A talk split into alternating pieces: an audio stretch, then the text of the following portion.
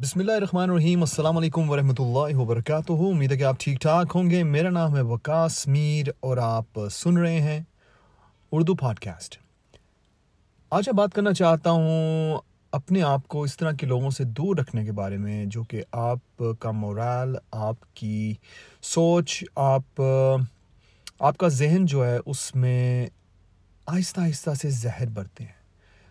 وہ لوگ کو کون سے ہوتے ہیں؟ وہ لوگ میری نظر میں وہ ہوتے ہیں جو کہ آپ سے بات کرتے ہیں صرف اور صرف آپ کو ادھر ادھر کی باتیں بتانے کے لیے، آپ کو آپ کو بزی رکھنے کے لیے اس طرح کی باتوں میں جن سے نہ ہی ان کا کوئی کام ہے، نہ ہی آپ کا۔ جن کا تعلق کسی بھی سچویشن کے ساتھ نہیں ہے جس کے بارے میں وہ بات کر رہے ہیں، لیکن وہ بات بس اسی لیے کر رہے ہیں کیونکہ ان کے پاس کچھ اور کرنے کو یا کہنے کو نہیں ہے۔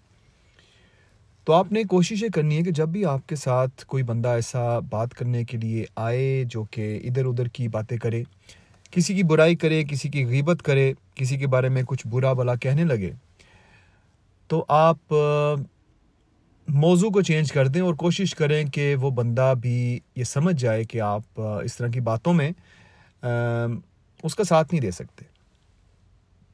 پہلی بات یہ یاد رکھیے کہ جب بھی آپ کسی بھی بندے کے ساتھ بیٹھتے ہیں، تو آپ کی اور ان کی جو باتیں ہیں، اس سے آپ کی سوچ جو بنتی ہے۔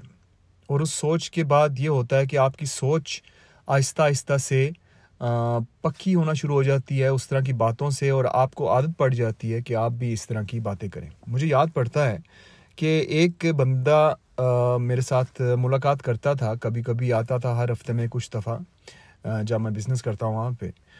تو وہ کبھی اس کی برائی، کبھی اس کی برائی، کبھی اس کی برائی، کبھی اس کی برائی اور میں کام اپنا کر رہا ہوں۔ میں سمجھ رہا ہوں کہ یہ شاید باتوں باتوں میں مجھے اپنا دکھڑا سنا رہا ہے اور یہ کوئی رائے چاہتا ہے، لیکن مجھے آہستہ آہستہ پتہ چلا کہ یہ بندہ جو ہے نا، یہ کچھ نہیں چاہتا سوائے اس چیز کے کہ میرے ذہن میں بالکل اسی طرح سے زہر بڑھ دے جس طرح کہ اس کے ذہن میں ہے لوگوں کے بارے میں۔ اور اس بندے کے ذہن میں ہر ایک بندے کے خلاف کوئی نہ کوئی بات تھی۔ ہر ایک بندہ جو ہے نا، وہ اس کو برا لگتا تھا۔ ہر ایک بندہ جو ہے، اس نے اس کو آپ یہ کہہ سکتے ہیں کہ اس کے ساتھ فراڈ کیا ہوا تھا، اس کو، اس کے کہنے کے مطابق۔ ہر ایک بندہ جو ہے اس کی نظر میں ایول تھا، برا تھا، شیطان تھا۔ اور بعد میں ایک ایسا دن آیا کہ جب ہماری کافی دفعہ ڈسکشن ہو چکی مختلف موضوعات کے اوپر، تو میں میں دیکھنا شروع کر دیا میں نے کہ یہ معاملہ جو ہے نا صحیح نہیں جا رہا، یہ بندہ اس لیول کا نہیں ہے، جس لیول کے بندوں سے میں بات کرنا چاہتا ہوں، جن سے میں کچھ سیکھنا چاہتا ہوں، یہ اس طرح کا سیٹ اپ نہیں لگ رہا مجھے۔ میرا دوست نہیں تھا وہ، بس سلام دعا تھی بس۔ تو اللہ کی طرف سے ایسا ہوا کہ میں نے دعائیں مانگنا شروع کی اور اسی دعا میں یہ تھا کہ اچھے دوست دوستوں سے مجھے نواز اور ایسے بندوں سے جن سے میں کچھ سیکھ سکوں، جن کو میں کچھ سکھا سکوں، اچھی اچھی صحبت مجھے دے۔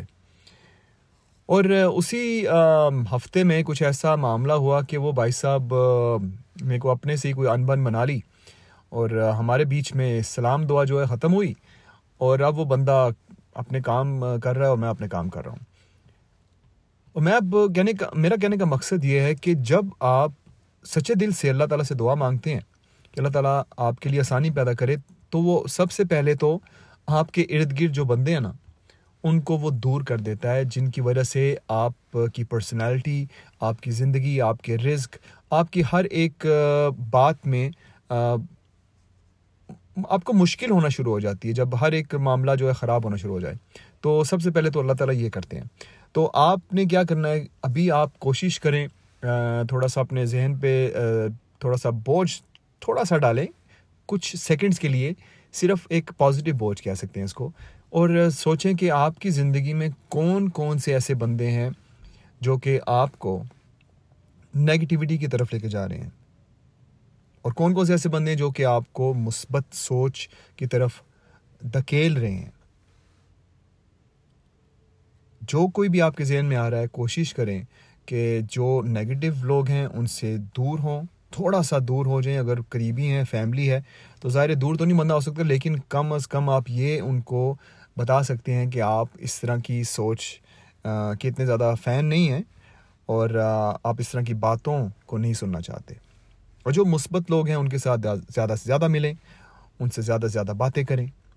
اپنی زندگی کو تھوڑا سا چینج کریں۔ اگر آپ کی زندگی سچ مچ میں اس طرف جا رہی ہے جہاں پر ہر کوئی چیز آپ کے آپ یہ سمجھ سکتے ہیں کہ آپ کا مائنڈ آپ کا نگیٹو ہوتا چلا جا رہا ہے۔ گھر میں بھی لڑائی جھگڑے ہو رہے ہیں، بچوں کے ساتھ، بڑوں کے ساتھ، بہن کے ساتھ، بھائی کے ساتھ، والدین کے ساتھ۔ تو کوئی نہ کوئی ایسا ہے آپ کی زندگی میں جس کی وجہ سے آپ کی سوچ نگیٹو ہو رہی ہے، جس کی وجہ سے آپ اچھے طریقے سے بات نہیں کر پاتے۔ کیونکہ جب آپ اچھے طریقے سے کسی سے بات نہیں کر پاتے، تو اس کے پیچھے یہی ہو سکتا ہے کہ آپ کی صحبت جو ہے وہ صحیح بندوں کے ساتھ نہیں ہے۔ اچھے بندوں کے ساتھ ہوگی، دھیمے لہجے میں بات کرنے والوں کے ساتھ ہوگی، تو آپ بالکل ایسی بات کریں گے۔ اپنا خیال رکھیے گا۔ آپ سن رہے ہیں اردو پوڈ کاسٹ اور میرا نام ہے وکاس میر۔